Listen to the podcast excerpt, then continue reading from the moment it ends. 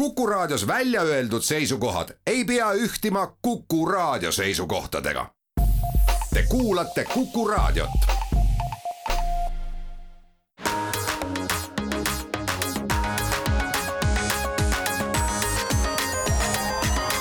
digitund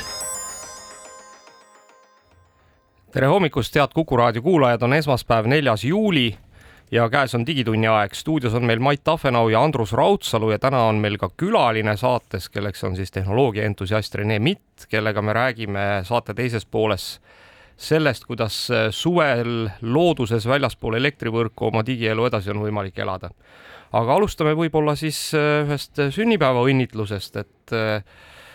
kahekümne üheksandal juunil sai siis iPhone viieteistkümne aastaseks, palju õnne et, et mina mäletan, et mina olin esimese iPhone'i omanik ja ma mäletan ka seda, Mait, et sina mind mõnitasid pikalt äh, selle tõttu, et iPhone'is tollel ajal puudus copy ja paste ja sa ütlesid, et sellist telefoni ei ole võimalik kasutada, kus copy ja paste ei ole, minu, minu arust oli täiesti võimalik. tead, sellega üks niisugune pull lugu, et meie ootused vist telefonil olid vaata täiesti ka erinevad. et noh, minu jaoks oli nagu,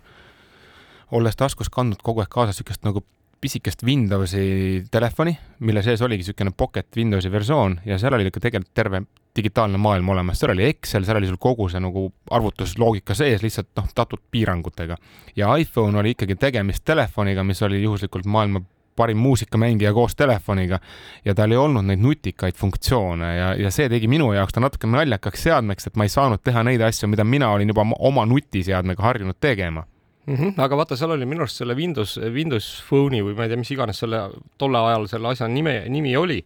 tema põhiprobleem oli minu arust see, et, et see kasutajaliides oli ikkagi noh, nii-öelda arvutist võetud kasutajaliides ja selle tõttu, kuigi seda ekraani sai ka näpuga näppida, siis äh, oli seal kaasas tegelikult siis äh, selline pliiats, eks, mis noh, kuna, kuna need nupud olid nii väikesed, et äh, noh, ikkagi jämeda näpuga ühte nuppu tabada oli suhteliselt keeruline, et pidid selle peenikese pliiatsi otsaga neid püüdma tabada. kusjuures hiinlased isegi vahepeal valmistasid niisugust lisaseadet, et said näpu otsa panna niisuguse näputeravduse onju, mis siis nagu tegi Windows Phone'i näpu sulle kusjuures, kui me mõnitamisest räägime, siis ma mäletan, et kõige esimese iPhone'i esitlusel Steve Jobs tuli lavale, ütles, et who needs stylus nagu, et meil on, meil on, jumal on andnud meile sõrmed, et miks me neid ei kasuta, eks ju, et iPhone oli kindlasti selles osas väga suur revolutsiooni tegija. et nad kujundasid kogu selle mõttemaailma ringi. Nad tegid sõrmega kasutatava nagu taskuseadme ja ma arvan, et nad tollel päeval isegi tegelikult ei näinud ette, et et me tegelikult kasutame seda telefoni täna niisugustel kujudel, nagu me kasutame, et, et, et need kõik asjad, mida sõrmega täna seal teha saab ta lihtsalt tuli selle nagu loogikaga järjest juurde, kuna see maailm hakkas järjest rohkem kasvama ja kui ennem seda me kogu aeg nägime arengut, kus kõik tahtsid teha järjest väiksemat telefoni,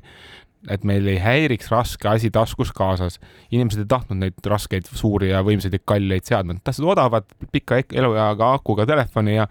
ja that was it. et selles mõttes nagu maailm muutus kardinaalselt jaa, aga, aga noh, selles mõttes ka, et, et, et tegelikult miks seda copy paste'i ei olnud, eks seda copy paste'i ei olnud seal esimeses iPhone'is sellepärast, et nad tegelikult isegi ei suutnud välja mõelda, et kuidas seda nagu seal kasutajaliideses lahendada. kus selle kohta oli hiljuti üks artikkel, et keegi, kes oli selles tiimis, ütles, et tead, mehed, me tegelikult tahtsime teha, lihtsalt ei jõudnud sellega valmis saada. no just, just, aga ma arvan, et seal suur, suur probleem tegelikult selle juures minu arust, mis sealt artiklist ka nagu passis välja, oli see, et ikkagi noh, juba ka see väljamõtlemine, et sa pead nagu näppu peal hoidma ja siis tuleb sul mingisugune menüü, eks noh, see noh, noh, sellist asja ei olnud, eks, et hiirega kasutatavates arvutites ju niisugust asja ei ole, et mis on tõsi jah, et vaata, kui sa pioneer oled, jah, et kui sa tahad nagu niisugune, olla tehnoloogia pioneer, sa pead välja mõtlema kogu selle loogika, täiesti uue kasutusmalli ja mudeli välja töötama, et see ei ole üldse lihtne ülesanne, et see tagantjärgi muidugi lihtne, et kuule, hoia sõrme peal ja nii on ju väga loogiline, aga see on loogiline siis, kui sa oled sellega juba mõnda aega elanud ja veendunud, et see oli tõesti parim. ja teine, teine muuseas noh, kui, mis need iPhone'i tegijate äh,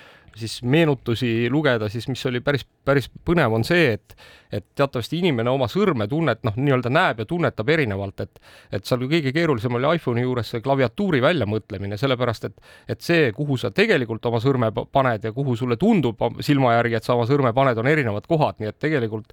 iPhone'i klaviatuur loeb eh, sinu sõrme puudutuse kohti erinevalt, noh, selles mõttes inimene puudutab sõrmega viltu mm. -hmm. et, et, et see oli tegelikult ka ikkagi selline, et, et noh, tekkis selline töötav äh, sõrmega kasutatav klaviatuur oli ikkagi kõva äh, suur edasiminek, aga. aga pull aga... oli veel ju see ka, et vaata, kui mõtleme, et milline industry tegelikult Microsoftil oma nutitelefonidel oli, see oli meeletu, see oli meeletult palju rakendusi tegelikult, mis oli võimalik sinna tõmmata ja kõik, kõik, kõik ja see kõik visati prügikasti mõned aastad hiljem sellepärast et massid läksid selle mahutundliku seadme peale ja Microsoft tuli välja täiesti oma uue platvormiga, mis tagantjärgi, mis me teame, on see, et, et ei õnnestunud, lihtsalt ta, ta tehniliselt ei olnud halb, aga lihtsalt nad ei saanud seda kriitilist massi inimkonda selle peale mm -hmm. ja jäid alles ainult Androidi ja iPhone'i platvorm jah, noh, ta ei olnud äge, eks ta ei olnud mingil põhjusel äge, et, et, et see oligi vist, ma arvan, kõige suurem probleem. aga, aga noh, ma mäletan ka seda, et kuidas ikkagi esimesed iPhone'id, kui Eestisse saabusid, neid ju Eestis ei müüdud teatavasti, minu arust vist esim-, esimene iPhone, mida Eestis müüma hakati, oli iPhone kolm tõenäoliselt äh, siis need esimesed saabusid Ameerikast ja need olid teatavasti Ameerika võrgu külge seotud ja siis nende lahtilukustamine oli omaette teadus, et ma mäletan, et, et seal äh, mingitel versioonidel tuli siis iPhone panna selleks külmkappi, et teda saaks lahti lukustada hiljem mingisuguse tarkvaraga, et ta liiga kuumaks selle käigus ei läheks. Aga, aga jah, see selleks, aga noh, ütleme, et ega lõppkokkuvõttes, äh, kui me vaatame siis tänast äh, statistikat, siis äh, Äh, noh, just saabus äh, aprillikuu aruanne siis äh, maailma nutitelefonide turust ja noh, üllatus-üllatus, neli esimest kohta või neli enim müüvat telefoni siis üle maailma on Apple'i telefonid, nendeks on siis iPhone kolmteist, iPhone kolmteist Pro Max, kolmteist Pro ja iPhone kaksteist, nii et äh, nii et päris ikkagi märkimisväärne saavutus. noh, muidugi, kui sellest top kümnest rääkida, siis järgmised viis tükki on Samsungi telefonid ja siis lisaks siis äh, Apple'i ja Samsungi telefonidele mahub sinna siis ka üks Xiaomi telefon, mis on kümnendal kohal nii et, äh, nii et äh, noh, ütleme, et suurepärane saavutus Apple'i, Apple'i poolt, aga lähme, lähme vist edasi, et. ja üks oluline uudis seoses telefonidega on ka see, et mobiil-ID taotlemine läheb natuke lihtsamaks, et kui sa varem pidid selle jaoks kõigepealt käima operaatori juures, siis sa pidid seal politsei.ee lehel käima seda aktiveerimas. et see läks nüüd lihtsamaks, et see politsei.ee lehel käimine jääb vahelt ära. et mobiilioperaator saab aidata sul kogu selle flow ära teha ja, ja nii lihtne see ongi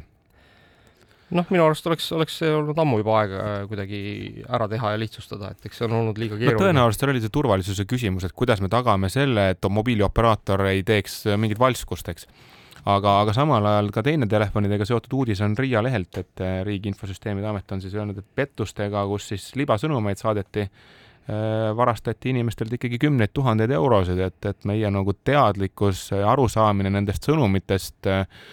noh, vajab ilmselgelt ikkagi nagu pidevat nagu diskussiooni ja rääkimist, et, et me ei langeks nii kergekäeliselt nende pettuste ohvriks, et alles ka eelmine nädal jälle keegi jagas mulle linki, kuidas Swedbank miinus ee punkt mida iganes nagu lehel tuleb jällegi mingeid ülekandeid kinnitada, et, et äh, nii see kahjuks on. Jaa, aga, aga rääkides äh, veel ütleme siis, äh, minnes turvavaldkonnast privaatsuse valdkonda, siis Firefoxi uusim versioon siis numbriga sada kaks on, äh, on tulnud välja täiesti, ma ütleksin, revolutsioonilise äh, privaatsuse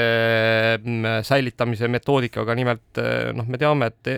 enamus tänapäeva veebisaite siis jälgib inimesi sellel moel, et, et, et selle urli sappa, mis siis inimesele antakse, pannakse mingisugune pikk joru mingisugust datat, mis siis võimaldab noh, seda tegevust siis track ida, mida inimene on teinud veebisaidil ja, ja, ja kuhu ta edasi on läinud ja nii edasi.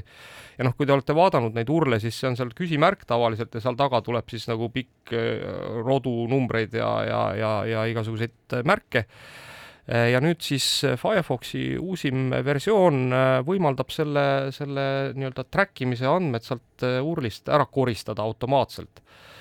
põhiline asi on ju see, et kui mõni aeg tagasi brauseri tootjad siis leppisid kokku, et sellist nagu võõra saidi tracker'it enam alati ei saa niimoodi kaasa panna, et sa ei saa nagu ühel leheküljel jälgida, et, et mis sealt, kust see informatsioon tuli ja siis leiti, et parim viis seda informatsiooni edasi anda või workaround sellele oli panna see informatsioon URL-i sisse, ehk siis see tracker läks sinna kaasa ja väga loogiline samm, et ka seda hakatakse piirama, et noh, loomulikult mitte kõiki URL-i parameetreid, mis on tihtipeale vajalikud, et see veebilehekülg sul üldse töötaks, aga suurimad nagu Facebook, Google, et nende niisugused unikaalsed tracker'id siis eemaldatakse URL-ist ja noh, ütleme, et, et ma arvan, et puht praktiline Äh,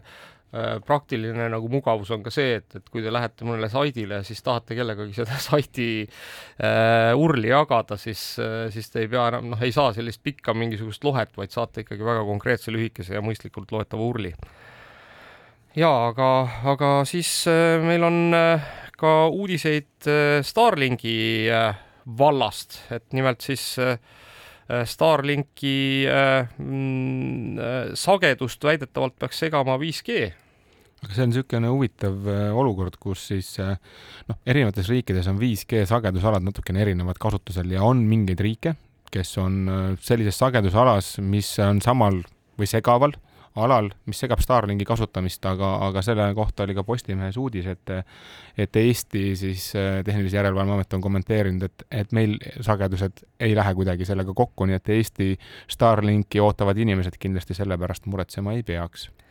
Ja, ja muuseas Starlinkist äh, eelmisel nädalal tuli ka teine oluline uudis, nimelt siis äh, FCC ehk siis Ameerika noh, tehnilise järelevalve amet põhimõtteliselt äh, andis siis lõpuks loa Starlinki kasutada ka liikuvatel objektidel, noh, mis tähendab siis äh, lennukeid, autosid, äh, paate ja nii edasi. aga FCC-lt oli ka teine uudis, et meie kõigi armastatud TikToki rakendus, et äh, selle kohta on öeldud, et kuna tegemist on ikkagi Hiinast pärit rakendusega, mis siis äh, potentsiaalselt varastab või jälgib liiga palju nagu inimeste nagu informatsiooni, siis, siis FCC on öelnud, et Google, Apple, et teil on aega kaheksanda juulini see rakendus oma voodisest eemaldada, et, et saame näha. jah, tõepoolest, sellepärast et, et Ameerikas on juba ju sõjaväelastel ja neil on ammu keelatud eh, ka riigiametnikel TikToki kasutada liht, lihtlabaselt ja ja, ja noh, tõepoolest jah, Brendan Carr, kes on siis eh, see FCC juht, eh, saatis niisuguse kirja, et, et, et miks on jätkuvalt see äpp teie App Store ides saadaval nii Google'ile kui Apple'ile, aga siinkohalt lähme reklaamipausile ja oleme tagasi mõne minuti pärast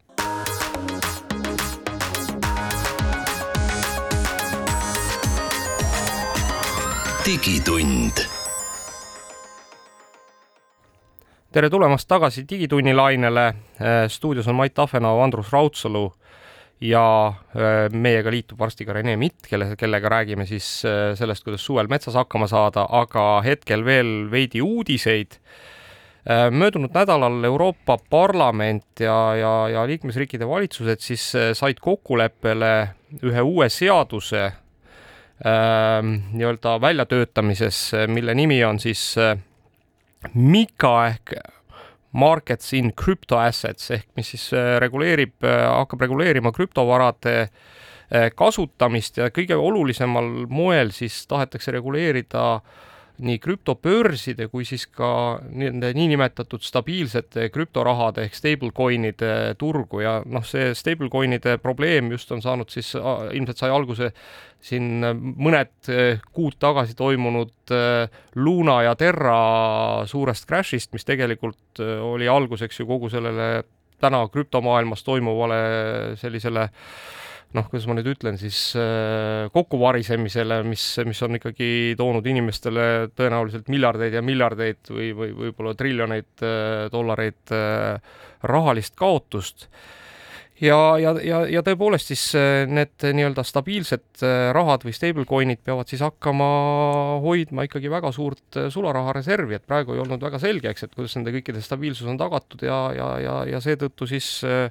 on otsustatud, et, et, et selleks, et inimesed ei saaks petta, nii nagu pangad peavad omama äh, reserve ja, ja, ja nii nagu Euroopa Liidus on pangakontod garanteeritud äh, vist saja tuhande euro ulatuses, eks, kui ma ei eksi,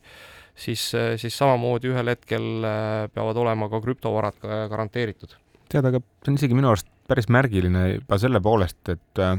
kuidagi nagu on niisugune tunne olnud kogu aeg, et see krüpto on niisugune hall ala, et, et riigid nagu seda väga nagu tunnistada ei taha, et on küll mingeid sõbralikumaid riike ja on vaenulikumaid riike, eks ju, aga kuidagi see krüpto on ikkagi niisugune nagu pigem nagu taunitud olnud.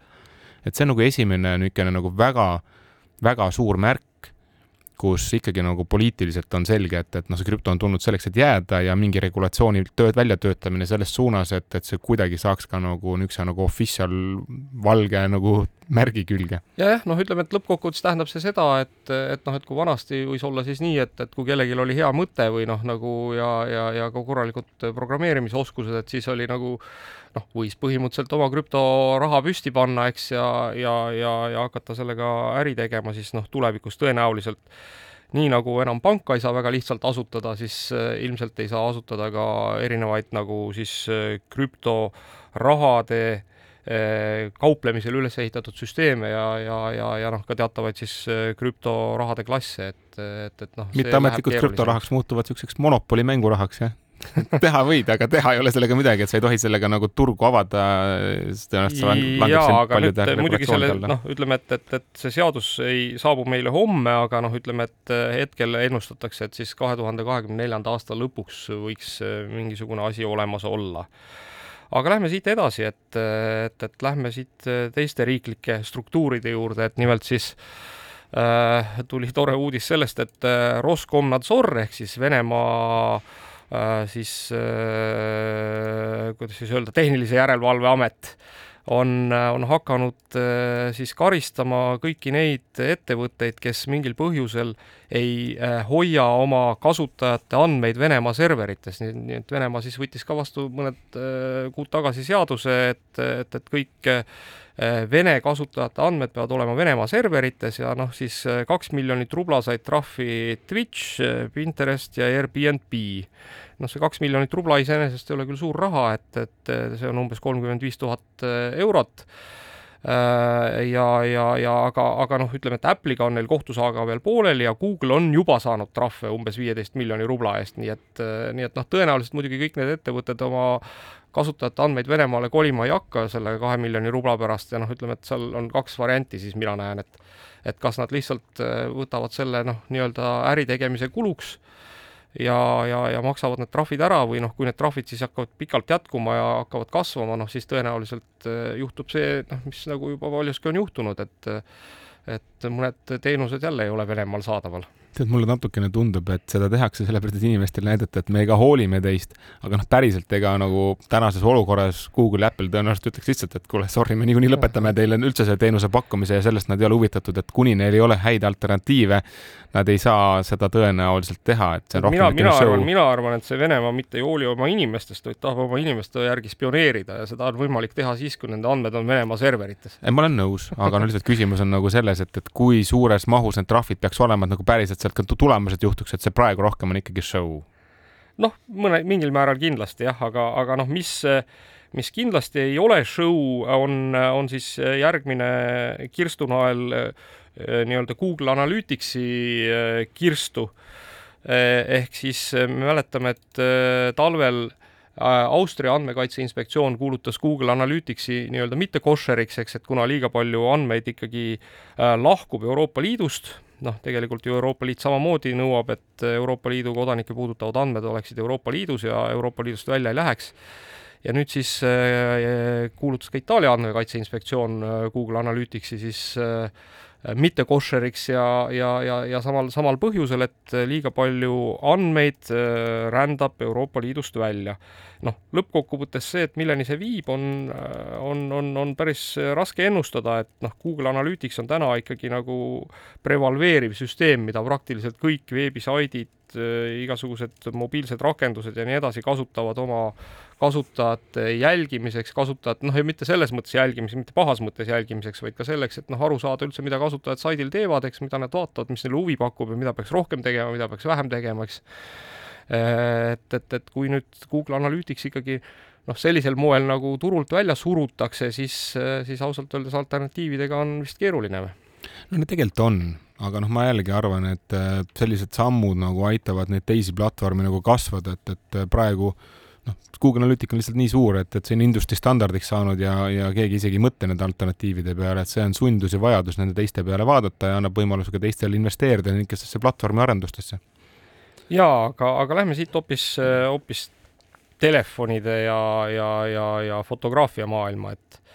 et äh, minu arust väga oluline uudis tuli ka Sonylt, äh, kes siis äh, teatas, et ta kavatseb siis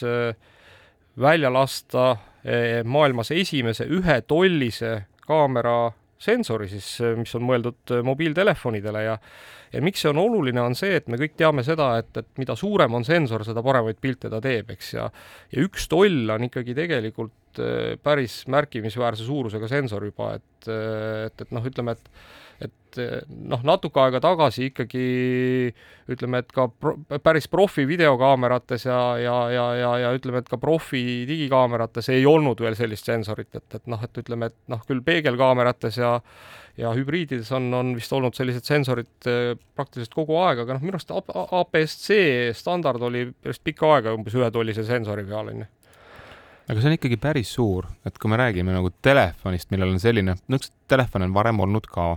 Androidid näiteks, eks ju, mingisugused, ma ei mäleta, kes need täpselt tegi, aga, aga ta on ikkagi päris, Nokia päris. tegi kunagi mingit sellist telefoni, mis oli ja. nagu noh, no tõesti nagu korraliku kaamera ümber, on ju. jaa, aga no probleem on ikkagi see, et, et noh, ta on päris mahukas, kuhu sa selle siis paned niimoodi, et sa seda telefoni suudaks veel taskusse panna, et näiteks mulle isiklikult küll väga meeldivad need iPhone kolmteist Pro kaamerad, noh päriselt tõesti, see on väga vinge telefoni kaamera aga mina ei ostnud seda telefoni lihtsalt sellepärast, et noh, tõesti, ta on, ta on nii suur, et ma juba tegelikult ütleks, et kui ma teda nii suure asja pean kaasa võtma, siis ma võtan juba päris kaamera, mille pildi kvaliteet, noh, midagi teha ei ole, on ikkagi väga erinev. No vaat siin on sulle muidugi äh, selles mõttes ka hea uudis, et äh, Samsung nimelt teatas sellest, et et nemad kavatsevad siis tulla turule kahesaja megapikslise telefoni sensoriga mis äh, iseenesest on äh, selline, mis on siis väiksem kui nende senine saja kaheksa megapiksline telefonisensor, oluliselt väiksem, mis siis võimaldabki teha neid, neid punne, mis sealt telefoni tagant välja ulatuvad, eks äh, kaamerana väiksemateks, nii et noh, ütleme, et kahjuks küll tõenäoliselt, kuna ka seda saja kaheksa megapikslist sensorit vist on ainult ühes Samsungi telefonis, kui ma ei eksi, noh, kõige kallimas mudelis, et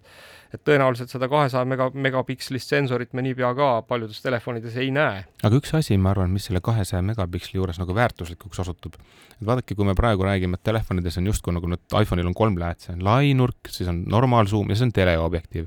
ja teledega on alati see, et see fookus nagu siis saab väga ilusti olla küll ühe inimese peal ja nii edasi, aga teised inimesed paratamatult on kergelt udused ja mida suurem see tele on, seda rohkem nad nagu fookusest väljas on aga kakssada megapikslit on nii suur arv, et see tegelikult võimaldab tõenäoliselt teha normaallensiga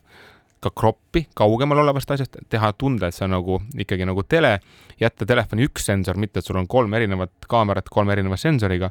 ja ma loodan, et see ai areneb seal taga nii palju, et vaata, kui sa iPhone'iga teed täna portrait mode'is pildi või mõne noh, Androidiga samuti, ta tegelikult ai-ga teeb selle bokeh'i sulle, et see üks inimene on fookuses, kõik muud on udused. ja kui me nüüd räägime kropist, ja nüüd ai-ga räägitud sellest udususe tekitamisest ja küll paneme telefoni veel lidarsensori külge, kus tasub ära mõõta, et kes kus veel on, et ta ei eksiks ka nii palju, siis tegelikult kakssada megapikslit võiks võimaldada. Ühe ilusa läätse, ilusa kropitatud tulemuse, ükskõik kas tele või normaalsuumis ja tagada mulle selle, et ma saan käsitsi valida, vaat kes on terav, kes on udune, nagu kunagi oli üks niisugune spetsiaalne kaamera, mis kahjuks turult kadus, kus said ka hiljem nagu otsustada, et kuhu ma tegelikult fookuse panen et see oleks minu arust lahe. ja noh, see oli, see oli, see oli see niinimetatud Lightfield kaamera, mille mille vist tootmine ikkagi osutus nagu väga kalliks ja mille resolutsioon ei olnud väga hea samas et aga noh, mine tea, võib-olla kuskil salalaborites arendatakse seda edasi ja me alles näeme seda turule tulemist, ma, ma arvan, et, et noh, see tehnoloogia tollel hetkel, kui seda korraks näidati, oligi selline, et noh, et ta oli ikkagi umbes viis aastat äh, veel äh, Ajast liiga ees, toores, on ju, selleks, et, et teda nagu massidesse lasta. aga võib-olla ai lahendab selle ära, et ma arvan, et see nagu suured megapikslid ja, ja ikkagi nagu selle kolme kaamera asemel üks kaamera nagu on kuidagi loogilisem, et see on, ma arvan, et see on lihtsalt ajutine nähe, et meil telefonil on nii palju nüüd objektiive seal küljes ma ei tea, noh, mina muidugi ikkagi usun nagu optika, optikasse ka, et, et aga ma olen nõus, aga no lihtsalt nagu teistpidi tundub loogilisem, et noh, kuidagi jätkata seda, et sul on kolm sensorit ja kolm asja seal küljes, noh, varsti sul neid neli ja noh no jah, palju neid sinna mahub, eks ju. et lõppkokkuvõttes äh, ideaalne oleks muidugi see, et on lihtsalt erinevad optikad ja üks sensor, on ju.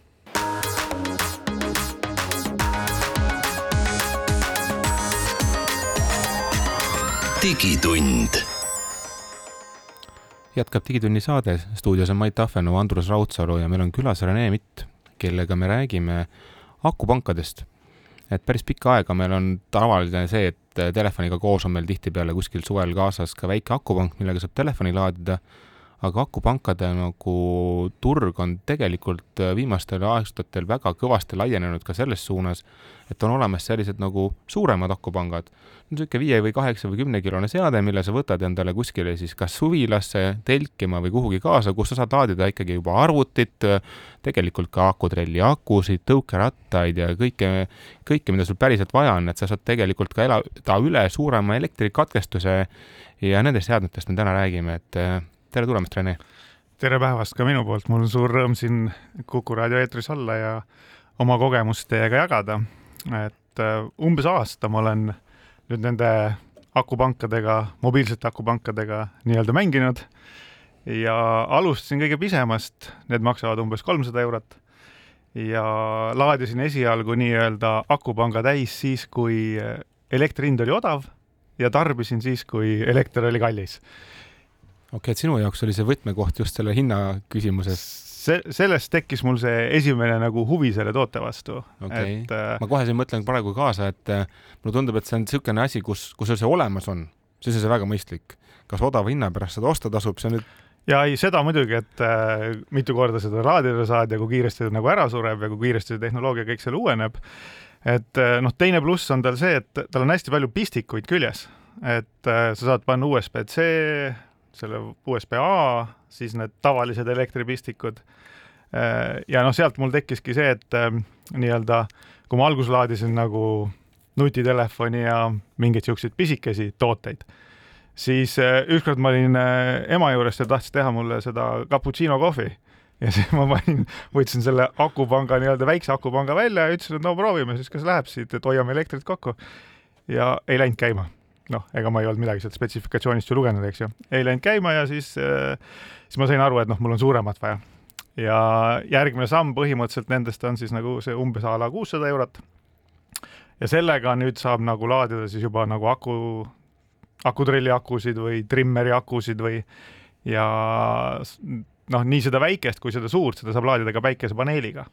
et kui ma olen sinna külge pannud nagu niisuguse saja kümne vatise päiksepaneeli, siis äh, väikse akupanga laeb ta täis niisuguse kolme tunni, no võib-olla kolm-neli, sõltub, kuidas see päike ja pilved on, eks ju, ja kui palju sa viitsid seda päiksepaneeli kaasa liigutada.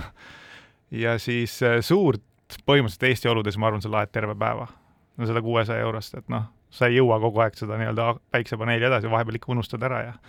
tulevad varjud peale ja ja nii ta läheb, aga põhimõtteliselt akutrimmerit saab ära laadida äh,, metsa minna kasutada või noh, heinamaale ja kõik töötab. pehmelt öeldes ma kujutan ette, et kui sa lähed oma suvekodusse ja ma kujutan ette, et on olemas meil ju inimesi, kes on rääkinud, et elektri vedamine sinna maksab äh, lausa sada tuhat äh, müstilist eurot, eks ju, siis äh, tegelikult sul ei olnudki varianti akuasju seal kasutada, aga nüüd ei pea ka tegema teab mis suuri investeeringuid, ma saan aru, et see akupank, mis sul siin täna kaasas on, maksab põhimõtteliselt sama palju kui nutitelefon. kuussada eurot ei maksagi nii palju kui nutitelefon. noh, ma võtan selle maale kaasa ja ma saan kasutada endiselt oma akutrelli, akutrimmerit, laadida arvutit, elada täiesti normaalset elu ja laadida seda päiksega või linnast ja, elektriga, eks. jah, põhimõtteliselt ongi täpselt nii, et kas sa laed seda päiksepaneeliga elektrivõrgust või auto sigaretisüütajast kuulge, aga, aga ma korra tõmbaks selles mõttes pidurit, et, et ma saan aru, et te väga entusiastlikult olete juba läinud selle eh, seadme omaduste juurde, aga, aga tegelikult, kui nüüd nagu raadiokuulaja meid kuulab ja pilti ei näe, eks sellest asjast, mis siin laua peal on, siis siis eh, noh, ütleme, tavalisele inimestele kangastuvad sellised noh, ma ei tea, suitsupaki suurused või, või, või, või, või noh, ma ei tea, ma ei tea, telefoni suurused, eks, kuidas iganes, eks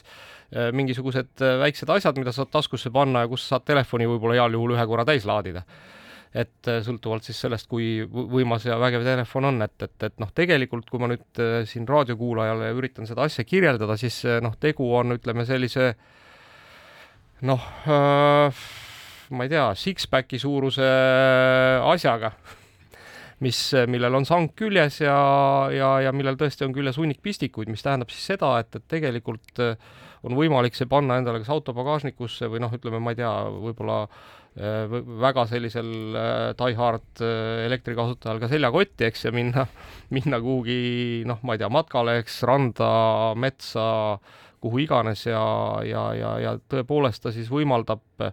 ühendada kõikvõimalikke elektriseadmeid iseendaga, nii et, et te olete põhimõtteliselt nagu oleks endaga seinapistiku kaasa võtnud kodust jah, minu nagu kogemus ongi see, et äh, ma võin oma pikendusjuhtmed ära unustada. Et kui mul seisavad nagu kodus hunnikus pikendusjuhtmed, et minna, ma ei tea, saja meetri kaugusele ja elekter endaga kaasa võtta, siis nüüd ma võtan nagu sangast kinni, see kaalub umbes kaheksa kilo või midagi siukest ja võtan selle elektri lihtsalt punktist A punkti B endaga kaasa. et ma võin minna randa, panen oma süntesaatori kõlari ülesse, teen väikse kontserdi. et see mugavus, kuidas seda nagu endaga kaasa võtta ja transportida, see on nagu, see on tõesti nagu hästi lihtsaks tehtud ja ta on tõesti nagu six-pack või auto aku või sang on küljes lihtsalt ja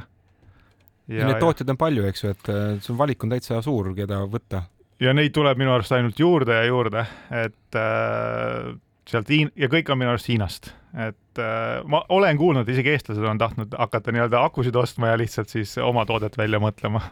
kusjuures pull on see, et mul on umbes samasugune aparaat nagu Reneel ja tal on ekraan küljes, et kui ma panen sinna seadme järgi, ta ütleb mulle kohe ära, mitu tundi ma seda seadet sellise koormuse juures saan kasutada, et sa saad ka planeerida seda aega. ja, ja tal on äpp samamoodi, äpis saad täpselt samamoodi kõike nagu näha distantsilt ka, et kui sul hakkab see kodus nii-öelda tühjaks saama. kui mängid pilli parasjagu, kui see telefon seal nootide kõrval ja saad aru, et kuule, viimased akordid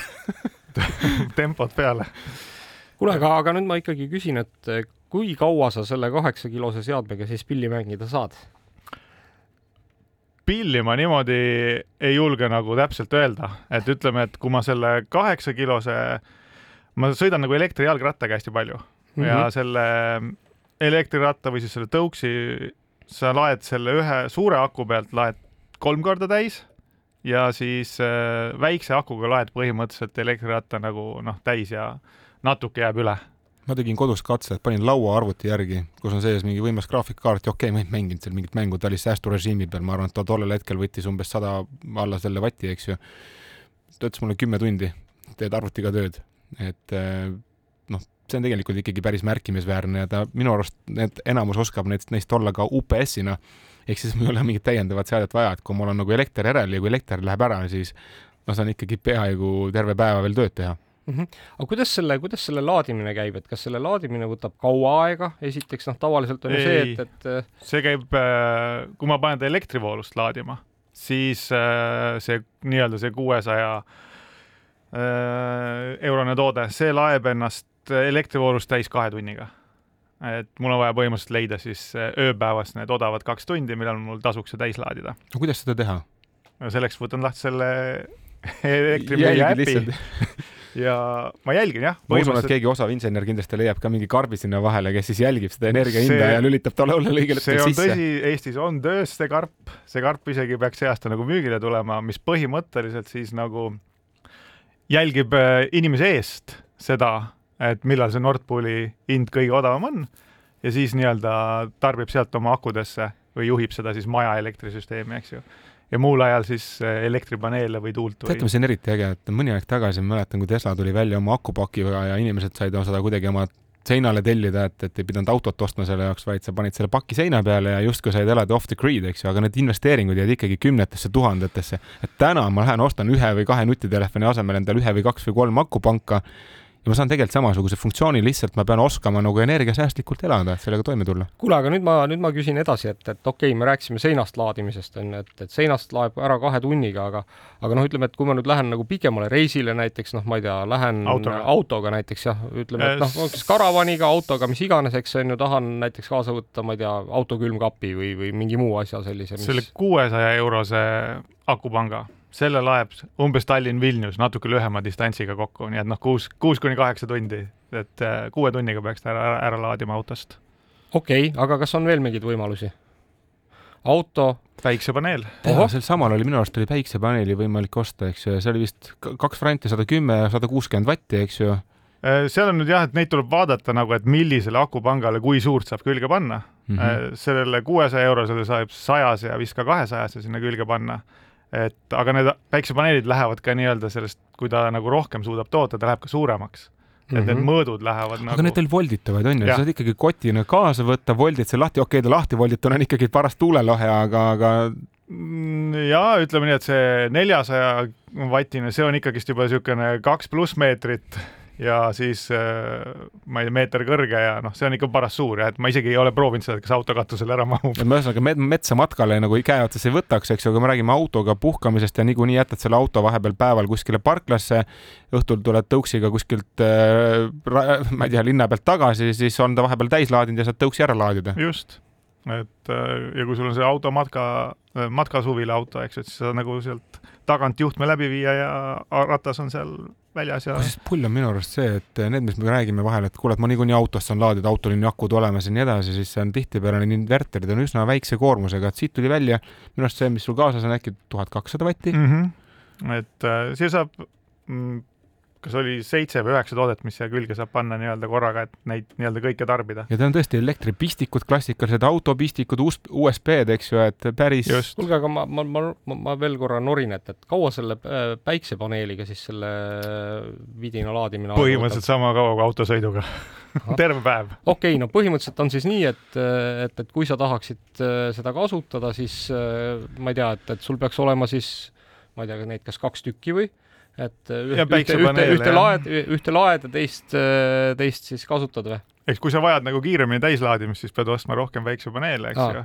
ja või siis, et sul on nagu äh, neid akupankasid rohkem, et kui sa jõuad nagu, aga noh, iga akupanga laadimine võtab terve päeva ära, et sa ei saagi nagu väga rohkem kui ühe akupanga päevaga täis laadida. natuke tundub, et igaüks peab läbi mõtlema, mille jaoks tal seda tegelikult vaja on, et noh, mina kujutan ette, et kui on pikem elektrikatkestus, ma saan maal panna radiaatoritel küttepumba, sirkupumba panna mingiks ajaks käima, kaevust saan ka vee kätte, eks ju et noh, niisugused kriitilised asjad saan ära teha niisama ja selle jaoks piisab mul ühest. kui ma räägin matkale läheks näiteks, lastega tead, mitu tõukeratast on kaasas, mis tahavad laadida, nüüd oletame, matkame seal elektritõuksidega, siis võib-olla on mitut vaja, eks ju, et noh, mille, mille jaoks me keegi kasutame seda, eks. Neid on erinevate suurustega ja eks seal tulebki nagu täpselt niimoodi vaadata, et kõigepealt ära mõõta, et mis mul see püsikulu on ja vastavalt sellele kuulge, aga lähme siit hetkeks reklaamipausile ja siis jätkame nende samade akupankade teemadel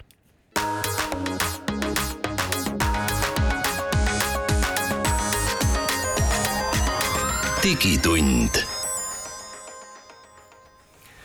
digitund on tagasi eetris oma viimase veerandiga. stuudios on Mait Tafenau ja Andrus Raudsalu ja külas on meil Rene Mitt, kellega me räägime akupankadest ja mitte nendest tavalistest pisikestest akupankadest, vaid sellistest akupankadest, millega on võimalik toita ka erinevaid tööriistu ja elektriseadmeid ja mida saab siis kaasa võtta kas suvilasse või, või metsa või mere äärde või kuhu iganes te suvel tahate minna, kus elektrivõrku parasjagu ei ole aga Rene, räägi, mis brände ja mis erinevaid tootjaid sa oled uurinud, proovinud, vaadanud? mul on, mul on silma jäänud, ma ei tea, niisugune neli, viis, kuus brändi, et noh, kõige tuntum nendest on kindlasti Ecoflow ja see on ka see, mis nagu esimesena vist nagu müügile tuli siin meie piirkonnas. algus nende saada oli nagu väga-väga keeruline, neid nagu põhimõtteliselt üldse ei jagunud turule, nüüd tänapäeval on neid nagu lihtsamini kätte saada ja neid äh, nii-öelda hulgiladusid, kus neid müüakse edasimüüjatele, see, neid on ka nagu juba paar tükki. et äh, teisena ma arvan, et Big Blue, äh, kes noh, välimuselt nad näevad kõik ühesugused välja, seal nagu disainis mingit erinevust ei ole. kõigil on need pistikupesad, kõik on noh, täpselt nagu no. tõenäoliselt tulevad ka ühest Hiina tehasest. võib-olla siis on veel äh, Vigor Pool, Sugineo,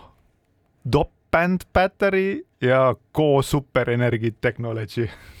et no ja neid nimesid ma oletan, et neid on veel. ja ma saan aru, et nad panevad sinna sisse nagu LifePo neli mingeid akusid ja neid siis saab nagu rohkem äh, nii-öelda korduvlaadida. et äh, nad isegi ütlevad, et sellel nii-öelda selle kuuesaja eurosel tootel, kui tal on see Life, LifePo neli akut sees, et saad kolm tuhat korda laadida. et mida on nagu noh päris, päris palju, palju, jah ja,. ja minu arust seda Ecoflow, mis see Delta Pro mudel on äh,, seda sai vist kaheksateist tuhat korda laadida. et äh, noh. noh, see ilmselt, ilmselt kestab kauem kui ükskõik milline elektriseade, mida, mida sa temaga kasutama hakkad, onju. no ma ise mõtlen, et kui ma ühe korra ööpäevas suudan ta täis laadida, siis noh, kaheksateist tuhat ööpäeva põhimõtteliselt on see nii-öelda periood okei okay,, aga mis need mahtuvused olid, et sa ütlesid, et seal on mingi kolmesaja eurone, kui palju selle mahtuvus on, palju on sellel tuhande eurosel,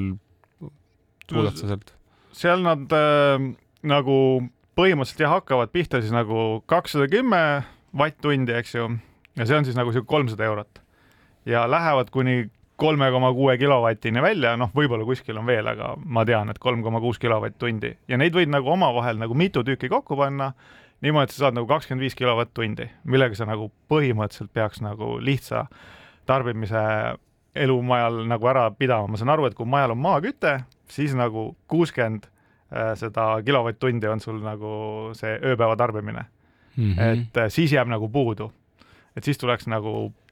nii-öelda noh, leida mingid äh, ise ehitatud, ise välja mõeldud nii-öelda nagu serverlahendused. kusjuures siin on üks variant veel, et äh, ma tean, et on äh, päris palju elektriautosid, mis tegelikult annavad ka tagurpidi selle elektrit välja, et sa ühel hetkel laed selle täis ja sellel hetkel, kui sul on ikkagi nagu pehmelt öeldes niisugune päevane katkestus, siis sa saad elektriautost tagurpidi selle elektri tagasi ja tema on ka akupank. tal on küll oma hind, eks ju, aga võib-olla ütleme, et kui sa plaanid perre teist autot, eks ju, ja sul on niisugune suurem majapidamine, kus ka elektrit võib-olla teinekord jällegi ei ole, et noh, olles terve lapsepõlve maal elanud, neid perioode ikka oli, kus äh, no just, lihtsalt jah. ei olnud pärast tormi tükk aega elektrit, eks ju, et siis sa saad sealt teisest autost siis selle tagasi võtta. see on see vaata selline akupank, mida ei pea ise tassima ka, mis sõidab kohale, onju. jah, jah, et no kui sa just seda sõiduga ära ei jah, ja kusjuures vaata elektriautod tead, teatavasti vist ikkagi enamus moodsaid elektriautosid ka pidurdades laevad ennast, nii et kui sa kogu aeg ainult pidurdad, siis saad elektrit juurde toota lõpmatult igiliikur või noh, oleks seal lihtne, elad mäe otsas, lased mäest alla ja siis saad jälle pärast köiega ülesse sikutada. no just jah, ja kui me selle hinna juurde korra tagasi tuleme, siis niisugune rusikareegel või kuidas nad nagu umbes ütlevad, et see kilovatt maksab tuhat euri mm. -hmm, mm -hmm. et äh, see on see nagu niisugune, noh, ta on sealt teoorias natuke rohkem, aga. aga siin on mingi teine pool veel, eks, et me peame ikkagi muretsema ka selle eest, et ta ikkagi meil ka kestaks, eks ju, et akudega on ju teadupärast see probleem, et nad ei ole igavesed, et okei okay,, laadimiste arv on küll üks näitaja, aga. no seda toodet ei ole mõtet nurka seisma osta et mm -hmm. teda tuleb ikkagist aeg-ajalt üles turgutada jälle, et ta nagu akud laetud oleks. et meil eelmine kord käis külas äh, elektritõukerataste inimene, kes ütles, et äh, väga tüüpiline probleem on selles, et me laseme selle aku tühjaks minna ja siis see aku nagu tegelikult sureb ära. surebki, neid saab kuidagi üles äratada et mm -hmm. mingid juhtmed pannakse kokku ja siis ta nagu saab vist mingi särtsu ja ärkab ülesse. ma isegi tegin väikse research'i, et ka seesama Ecoflow karp siin, et äh, kas sa pakkusid vahetada ja ma sain vastust, et ei saa, et sa pead ostma ikkagi täis uue seadme, et see on tegelikult ikkagi nagu kogu investeering uuesti, kui sa selle halvaks lased minna mm. -hmm. sest noh, Segway puhul näiteks need, äh, mis need on siis need äh, elektriliikurid või mm, -hmm. seal sa saad nagu akut vahetada. ma olen ise nagu akusid kaks korda ära suretanud ühe korra äratati ellu, teist korda tuli nagu osta uued akud, aga need on kallid, see, see ei ole. odavam on juba osta tegelikult terve komplektne uus seade, saad ka uue seadme, eks ju. põhimõtteliselt on pool toote hinda mm. -hmm noh, tõenäoliselt jah, ega see ju põhiliselt koosnebki akudest, et mis muud. kuulge, aga, aga ma läheks hoopis korra veel äh, teise, teise äh, nii-öelda teemasse ka, et et noh, ise ma just äh, tulin pikemalt reisilt, mul küll kahjuks sellist vägevat kasti kaasas ei olnud, noh, ütleme, et võib-olla oleks olnud vajadus, aga väga suurt vajadust isegi ei, ei, ei olnud, sellepärast et et mul olid kaasas täpselt seesama Big Blue päikesepaneelid. Ja, ja, ja noh, ütleme, et äh, mul oli siis üks selline sajavatine, mille saab äh, noh, mille, mis lahti voltides on umbes auto kapoti suurune, nii et saad visata auto kapoti peale ja noh, sellega õnnestus mul ära laadida kõik oma telefonid sellel ajal, kui ma aut-, noh, vahepeal muidugi sõitsin autoga, siis oli võimalik autost laadida, eks, aga mul õnnestus ära laadida oma telefonid, oma arvutid, oma iPadid ja, ja, ja olla nagu täiesti nii-öelda off the grid äh, ja, ja, ja töövõimeline. aga kuidas sa ühendasid oma telefonid sinna külge, et kas seal oli ka sul akupank vahel või? ei, seal on, seal on, neil no ütleme, et jah, tegelikult ma tegin niimoodi, et noh, ma nüüd ei kasutanud siis sellist akupanka, ma kasutasin neid tavalisi noh, ütleme väikseid akupankasid, eks, millega me kõik oleme harjunud, on ju, mis mis, mis taskusse mahuvad, on ju, või, või kotti. aga, aga siin, seal on, neil on USB pistikud olemas ja sinna on võimalik ka telefon otse taha lülitada, nii et eh, noh, paned aga juhtme taha ja, ja, ja, ja tõepoolest noh, nii huvitav kui see ka ei ole, et ei pea olema nagu täiesti särav päikesepaiste selleks, et, et see päikesepaneel töötaks, et võtab ka päris hästi läbi pilvede, et ma ei tea, Rene, mis sinu kogemused on? Ja selles mõttes ta nulli nagu kunagi ei lähe, parim, mis ma nagu sain, on sinna nii-öelda saja juurde, kui ta ennast laeb, mis siis siin selle akupanga ekraani pealt sa näed, et palju sul tarbimine on. aga nagu hea on vaadata ka see, et palju sul peale tuleb ja kui sul mingi toode taga on, palju sul parasjagu välja läheb, et kas sa toodad rohkem või sa nii-öelda toodad liiga vähe, et sa saad nagu ennem otsa, kui sul see asi nii-öelda lõpuni saab. okei okay,, sinul on alati tõukeratas on seal kogu aeg järel, eks ju, et ja et selle ma võtan alati nii-öelda ratta peale, pakiraami peale panen ja siis olen hästi varustatud et äh, aga see päiksepaneelidega seoses, seal on veel hästi põnevaid tooteid, nagu ma olen nagu proovinud nagu silmad lahti kogu aeg otsida ja vaadata ja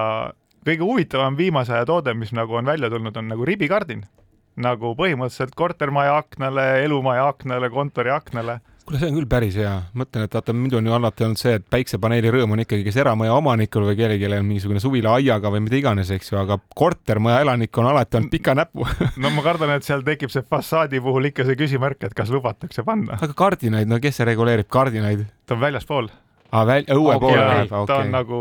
nagu metallkonstruktsioon ümber akna mm. -hmm. ja siis noh, läbi klaasi ta vist ei laeks nii palju ka mm. -hmm. ja seal vist on filter vahel, eks. et äh, kuulge, aga, aga, aga siit äh, on noh, ütleme, et ribikardinate juurest peame vist ilmselt saate ära lõpetama, kuna aeg saab läbi. Äh, aitäh kõigile, kes meid kuulasid. aitäh, Rene, sulle oma aitäh. kogemust jagamast ja kohtume teiega juba järgmisel nädalal